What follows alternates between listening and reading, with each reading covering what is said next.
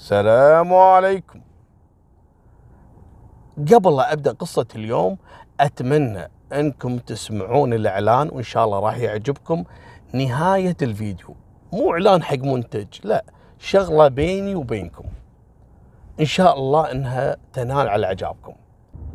قصتنا اليوم من السودان.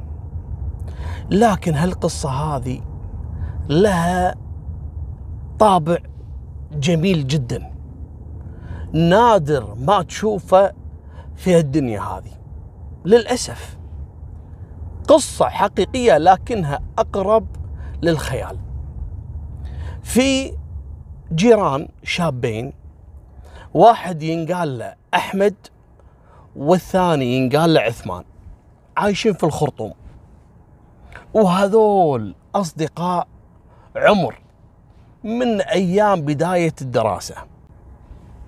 لين كبروا وبدت علاقتهم تصبح يعني أكثر من أخوة.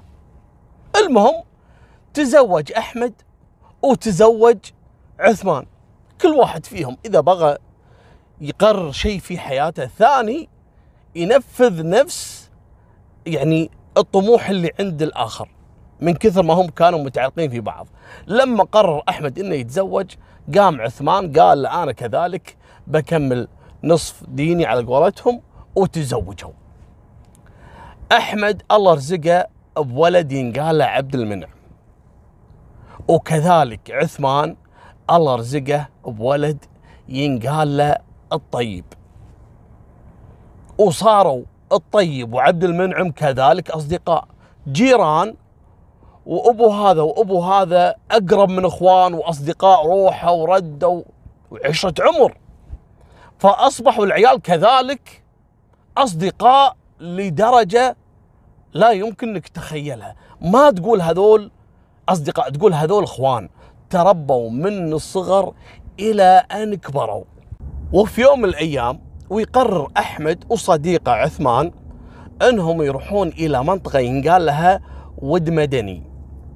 أنا صراحة ما أعرف هالمنطقة لكني كذلك أنا كل ما أسمع بيني وبينكم باسم منطقة جديدة أول مرة تمر علي أقعد أبحث أبى أشوف يعني طبيعة الناس فيها وكذا.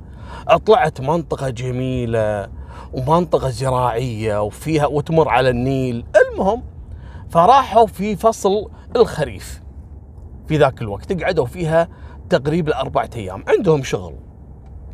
فراحوا إلى النيل يبي يتسبحون فيه ذاك اليوم. وفصل الخريف خصوصا في هالمنطقة هذه تكثر فيها الدواب من الثعابين والعقارب وغيرها. المهم لما قاعدين يتسبحون في النهر ويجي ثعبان ويلدغ أحمد أثناء السباحة. طبعا أحمد ما تحمل لدغة الثعبان والظاهر السم يعني بسرعة سرى في جسده. غرق الرجال. وتوفى. طبعا عثمان انهار. قعد يبحث في النهار وتدخلوا رجال الأمن إلى أن انتشلوا جثة أحمد. وتبين أن سبب الغرق انه في البداية تعرض للدغة ثعبان. توفى الله يرحمه أحمد. فقام عثمان بدور الأب لعبد المنعم. ولد رفيجة. وهذا أصلا صديق ولده وعايش جنبهم وكذا. وما خلاه يحس بفراق أبوه من كثر ما قام يحب الولد عبد المنعم. طبعا عثمان ما فقد صديق ولا جار. فقد أعز إنسان عنده في الدنيا عايش معاه من طفولته. شلون يتحمل إفراقه وكذا؟ لأي درجة؟ عثمان زعل وتضايق على صديقه أحمد لدرجة إنه بعد عدة أشهر تقريب السنة من كثر ما تضايق على صاحبه مات من الحزن. كأن الأرواح سبحان الله تنادي بعض. مالكم بالطويلة وتستمر علاقة عبد المنعم والطيب مثل ما كان أبو كل واحد فيهم صديق الآخر بشكل كبير جدا لدرجة أن الناس اعتقدت أن هذول إخوان. وصاروا يرافقون بعض في دراستهم في محاولاتهم يعني للتجارة. وكان أقصى طموحهم أن كل واحد فيهم يكون له يعني مبلغ من المال يشتري له كذلك بيت وأرض ويكونون جيران بعض ما يبون يتفارقون عن بعض. وفعلا حققوا اللي كانوا يتمنونه بعد سنوات. فجاء يوم من الأيام الطيب حق عبد المنعم. قال له شوف يا عبد المنعم إيش رايك؟ آه، يعني آه، نتاجر مع بعض. قال له بس إحنا ما عندنا راس مال ولا أنا بالعكس ودي يعني. قال لا الطريقة سهلة جدا. أنا راح أفتح محل في بيتي وأنت عليك تروح السوق وتجيب منها الخضروات. وأنا أبيعها في هالمحل. يعني أنت عليك تشتري وأنا علي البيع. ما يحتاج الموضوع رأس مال. أنا عندي مبلغ بسيط أقدر أسوي فيها المحل واجهزه بس أنت عليك إنك تجيب لي هالبضاعة وإحنا نبيعها في المحل. قال له ما في مشكلة. نتوكل على الله. وفعلا ويستمرون حبة حبة وما شاء الله بدأت تتوسع عندهم عملية البيع وقام يجيهم مدخول ممتاز جدا. ورب العالمين رزق كل واحد فيهم بعيال. عبد المنعم الله رزقه بأربع صبيان. أما الطيب الله رزقه بأربع بنات. وكبروا العيال. وشغالين عبد المنعم والطيب في تجارتهم البسيطة هذه. كان مردودها ممتاز جدا ويغطي مصاريف العائلتين.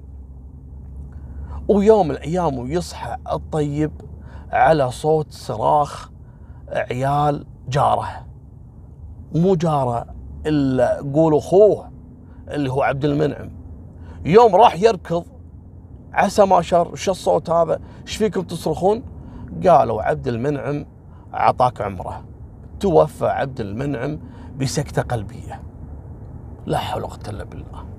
وحزن عليه الطيب حزن أشد من حزن عياله على أبوهم. لكن هذه سنة الحياة.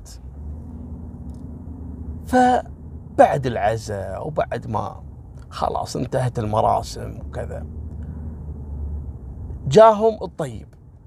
قال لهم مسك عيال عبد المنعم. وكان أكبرهم واحد ينقال له صابر. كان عمره تقريبا تسع سنوات وكذا. فش يقول حق صابر؟ يقول له يا ولدي أي شيء تبي من المحل تعال وشيل لأن هذا أبوك له نصيب فيه. يبي يفهم الولد إن أبوك شريكي وكذا في المحل هذا. فأي شيء تبي تعال. العيال كباروا شوي شوي شوي شوي. وفهموا إن المحل هذا فعلا لأبوهم نصيب. هم يكبرون وتجارة الطيب تكبر معاه. ويكبرون ومدة 17 سنة. إلى أن ما شاء الله عيال عبد المنعم اللي هو أكبرهم ينقال صابر أصبح محامي. واللي أصغر منه طبيب واللي أصغر منه معلم والرابع كذلك. وبنات الطيب تزوجوا الله ستر عليهم.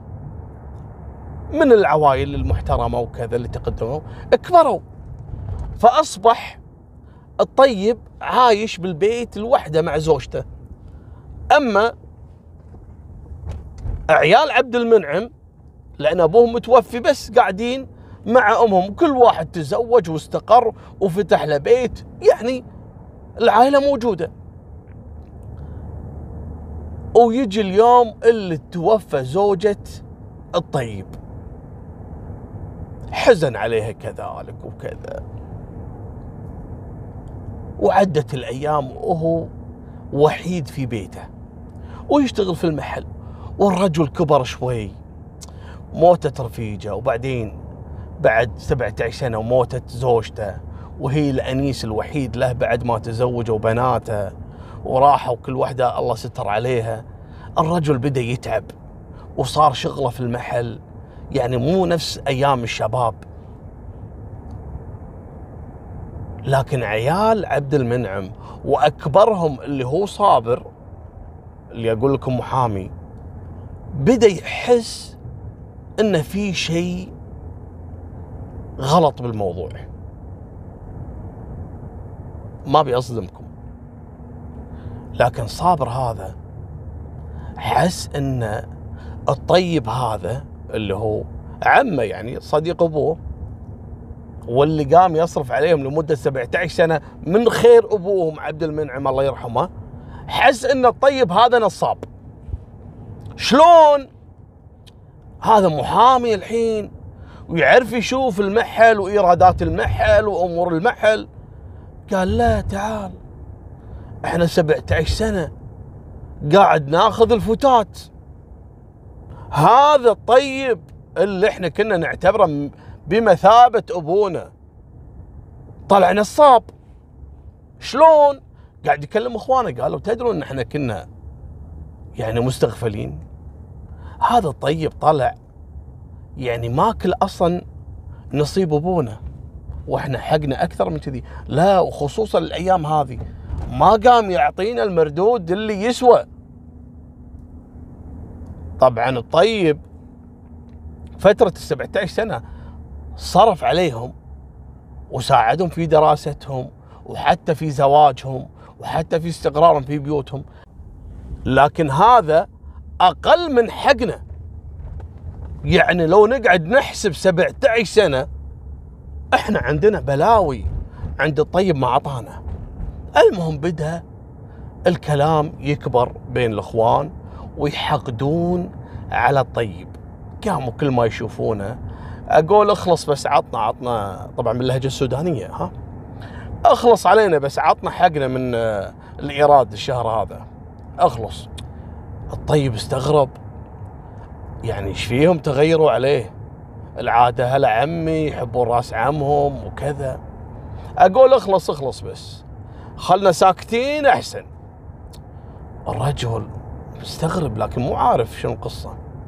المهم يعطيهم أول شهر الشهر اللي بعده. صاروا يجون ها عمي شلونك؟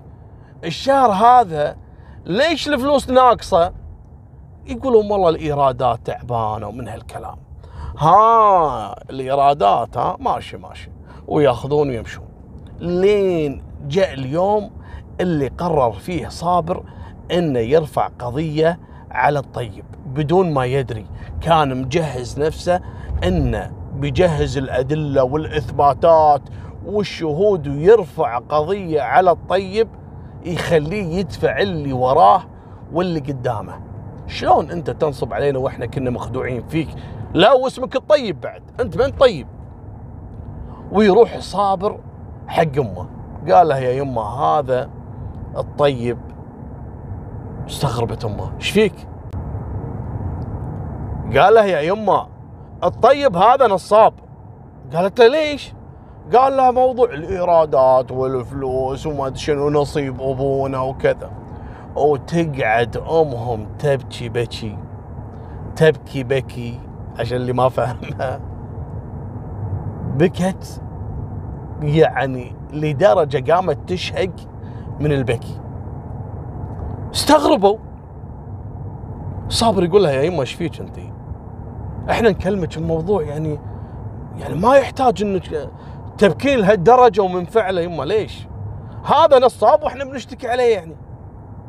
كانت تقول ما دام إنكم يعني وصلتوا لهالمرحلة وإنتم أصبحتم كبار وانت محامي والثاني طبيب وهذا معلم وصار يعني بإمكانكم إنكم تأخذون حق أبوكم بيدكم صراحة أنا قمت أفتخر فيكم يا عيالي تمنيت يجي هاليوم طبعا هم ارتزوا واستأنسوا. قال لا افا عليك يما الظاهر إنه كان في قلبك كلام كبير وتحملتي هالسنين كلها. الظاهر إنك خايفه تتكلمين لكن يا يمه ولا تخافين. وإذا خايفة من الطيب ولا في شيء يهددك فيه ترى إحنا عيالك وإحنا الحين رجال وإحنا كبار ونقدر ناخذ حقك وحق أبونا الله يرحمه. قالت ها تمام. قالت حق صابر أقول هدي هدي. هدي وبالعافية يا صابر ولا تسوي نفسك الحين رجال لأنك بتنصدم. مو بس أنت اللي بتنصدم حتى متابعين أبو طلال راح ينصدموا. أبو طلال نفسه راح ينصدم أصلا. قال شنو في يمه؟ قالت شفت اللي تتكلم عنه أنت؟ اللي هو عمك الطيب؟ قال لها إيه؟ قالت له الحلال اللي عنده هذا كله حلاله هو. ويصرف عليكم صار له 17 سنة من حلاله هو. وأبوك أصلا كان يشتغل معاه من حلاله هو. أبوك كان بس مجرد يعني داخل مجهوده. أما المحل والفلوس ورأس المال في البداية كانوا كلهم ملك الطيب. وأبوك بعد ما توفى أبوكم وعنده أربع بنات الطيب. وأبوكم خلف أربع صبيان عمكم الطيب جاني بنفسه وترجاني وأقسم علي وحلفني إني ما أتكلم. وإني أبين لكم إن الحلال اللي يصرف عليكم من 17 سنة هذا نصيب أبوكم في تجارته وأبوكم أصلا ما له ولا قرش. لكنه يحتفظ بالوفاء لأبوكم. مثل ما كان أبوه يحتفظ بالوفاء لجدكم.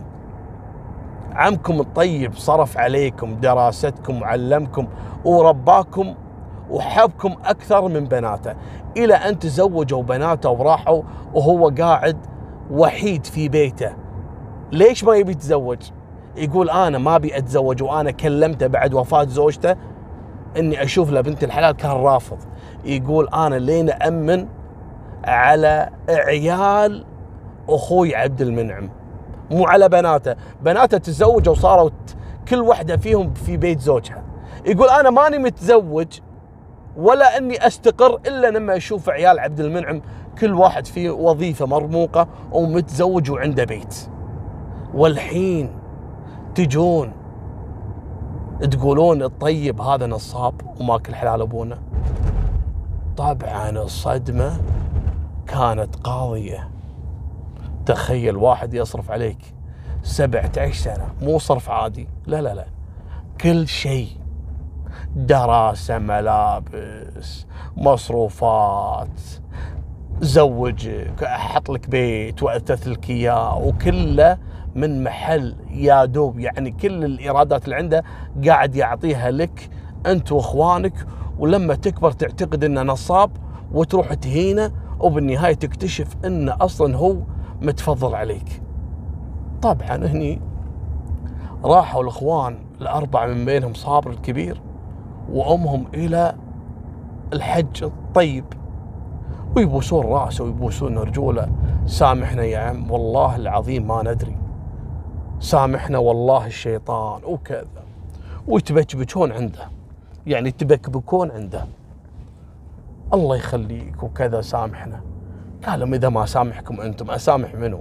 أنتم عيالي وأنتم كذا. قالوا له بس يا عمي الله يخليك. إحنا انصدمنا من معلومة كذلك تكسر القلب. أنت الحين ما تزوجت من بعد وفاة زوجتك ليش؟ قال يطالع حق أم العيال. قال لها يعني يا زوجة أخوي يا زوجة أخوي عبد المنعم أنا مؤمنتك على السر هذا قالوا له يا عمي طيب الله يخليك الكلام صحيح قال إي والله أنا قلت ماني متزوج ولا إن أبي الله بس يعطيني عمر لين أتأكد إنكم كل واحد تزوج وتوظف وصار عنده بيت مستقل في روحه. قالوا الحين إحنا الحمد لله وكذا ليش ما تتزوج؟ قال لا خلوني قالوا لا والله وانت للحين شباب يا عم طيب. وفعلا وقاموا يشوفوا له بنت الحلال وزوجوه. المهم يوم زوجوه واستقرت حالته وملى عنده البيت والله رزقه بثلاث بنات. سبحان الله الطيب هذا مرزوق.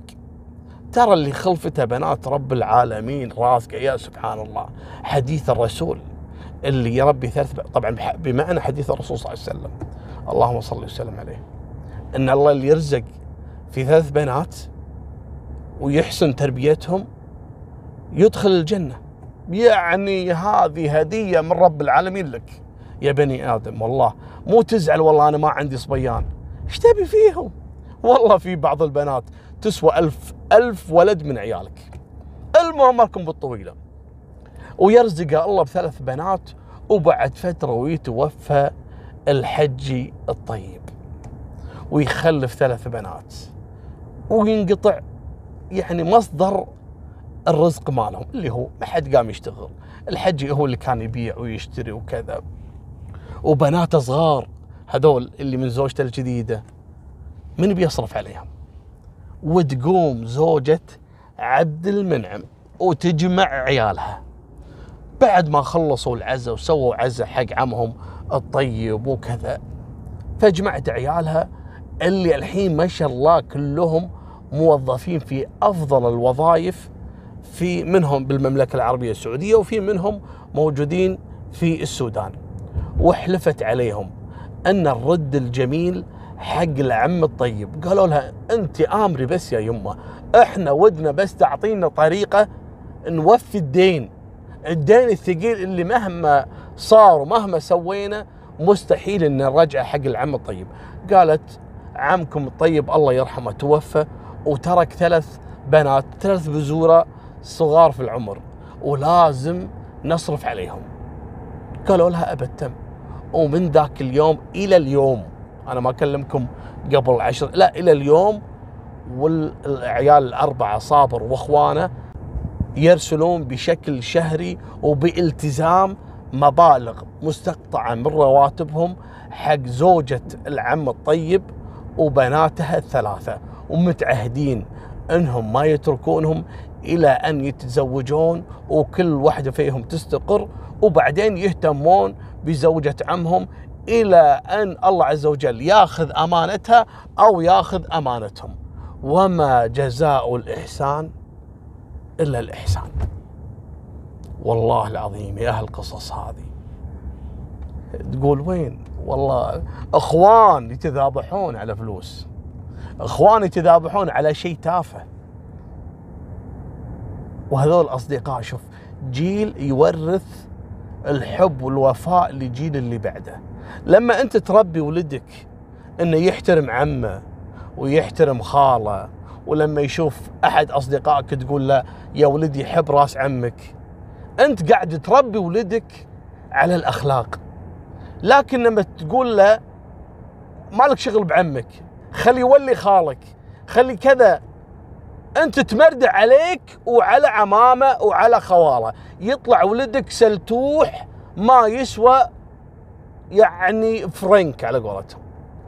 يعني خلفه يعني فاكس على قولة الحجية.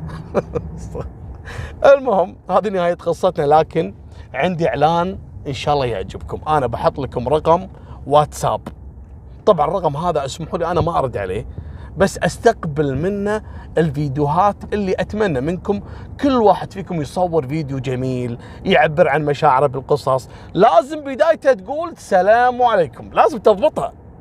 وتقول لي شعورك عن بعض القصص أو لا وأهم شيء إنكم تقولون مثلا بداية الفيديو بعد ما تسلم تقول أنا من الدولة الفلانية علشان إحنا نستمتع بالأجواء اللي عندك. تبي تصور داخل بيت مزرعة بالسطح بالبحر بالسوق بالجبل. أتمنى إنكم تنوعون الفيديوهات وأنا راح أجمعها أجمل الفيديوهات والكلام الطيب وكذا. وأتمنى تكون قصيرة علشان أقدر أدمجها مع بعض وأنزلها لكم بشكل يومي في نهاية كل قصة. اللي يحب يتابع القصة وبعد ما يخلص القصة يتابع الفيديوهات والقفشات الجميلة منكم يعني استمر في مشاهدة الفيديو. وأنا أتمنى أني يعني أتلقى منكم الشيء اللي يسعدكم. وراح أنشره بشكل يومي وعلى هالخشم. وهذه نهاية سالفتنا. وفمان الله. مع السلامة.